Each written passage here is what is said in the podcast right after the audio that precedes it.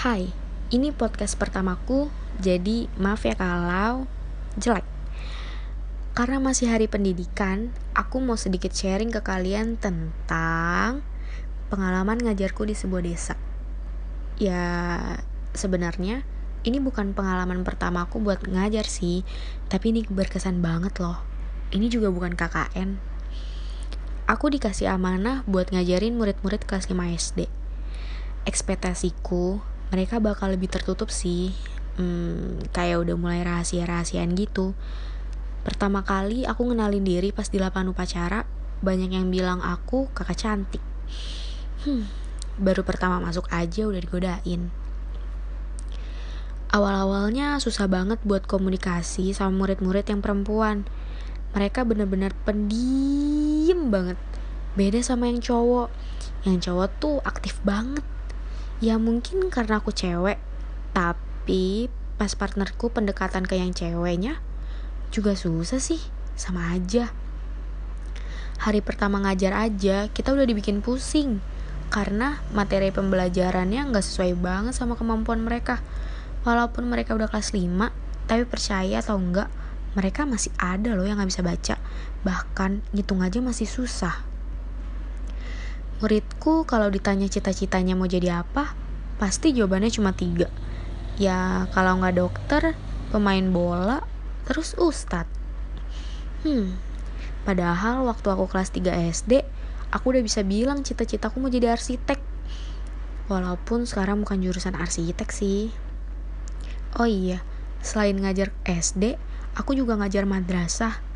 PR banget buat aku sama partner aku ya karena bingung kita minta bantuan teman-teman pengajar lain aja buat bantuin kita.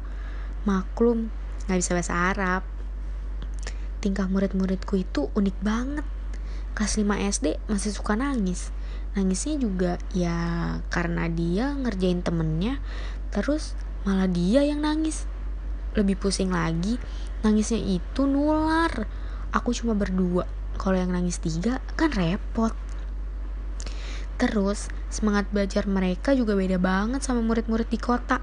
Waktu aku ngajar di salah satu SD dekat rumahku, mereka tuh masih suka males-malesan gitu kalau diajak belajar. Kalau diajak main games juga mager banget.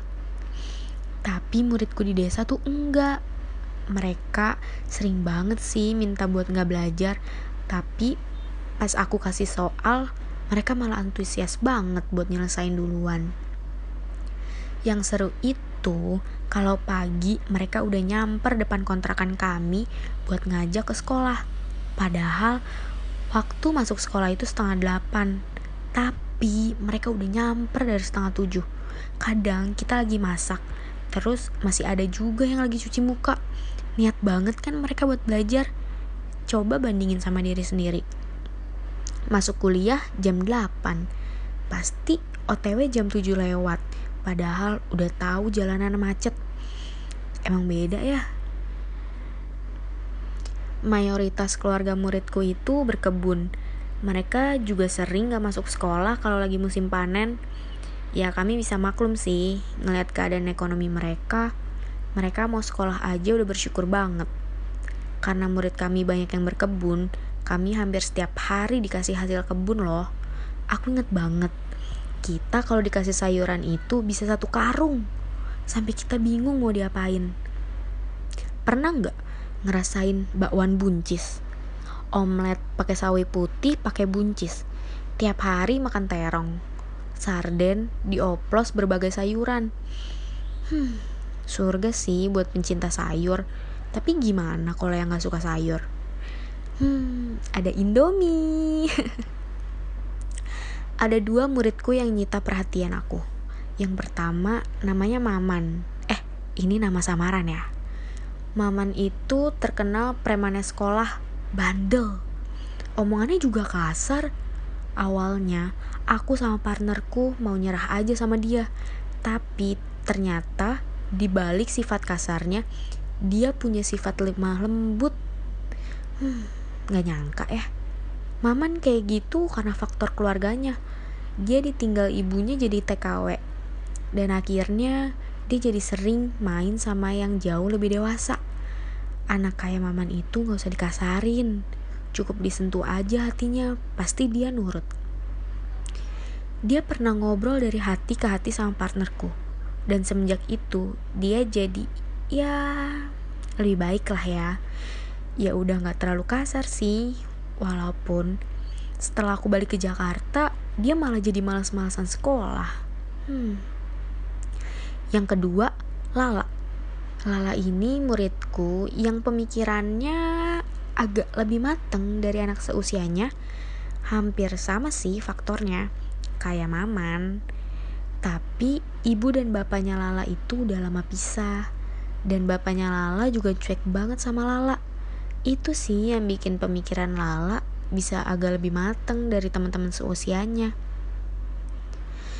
Saat kami mau perpisahan, kami juga masih terima banyak banget sayuran dari warga. Sampai kayaknya bisa deh buat dagang. Aku nerima banyak surat dari muridku, banyak banget yang bilang kalau nggak rela ditinggal. Hmm, banyak juga yang mau aku buat stay di sana aja. Sampai ada yang bilang aku nikah aja sama kakaknya biar bisa tinggal di sana. Hmm, bingung deh. Banyak banget pelajaran yang bisa aku ambil sama pengabdianku. Walaupun harus ngerelain ditinggalin gebetan sih, karena gak bisa ngasih kabar. Tapi aku juga bisa dapetin banyak pengalaman yang berharga banget. Aku mau kok balik lagi ke sana, walaupun harus rela nggak mandi, harus rela nggak dapet sinyal. Tapi aku seneng. Semoga murid-muridku bisa jadi orang yang berguna ya. Terima kasih juga buat Abah, Nini, Teteh, Ibu Ai, dan Pak Asep selama di sana udah bantu kita buat asupan yang bergizi. Makasih ya. Semoga aku bisa balik lagi dan kalian tetap sehat di sana.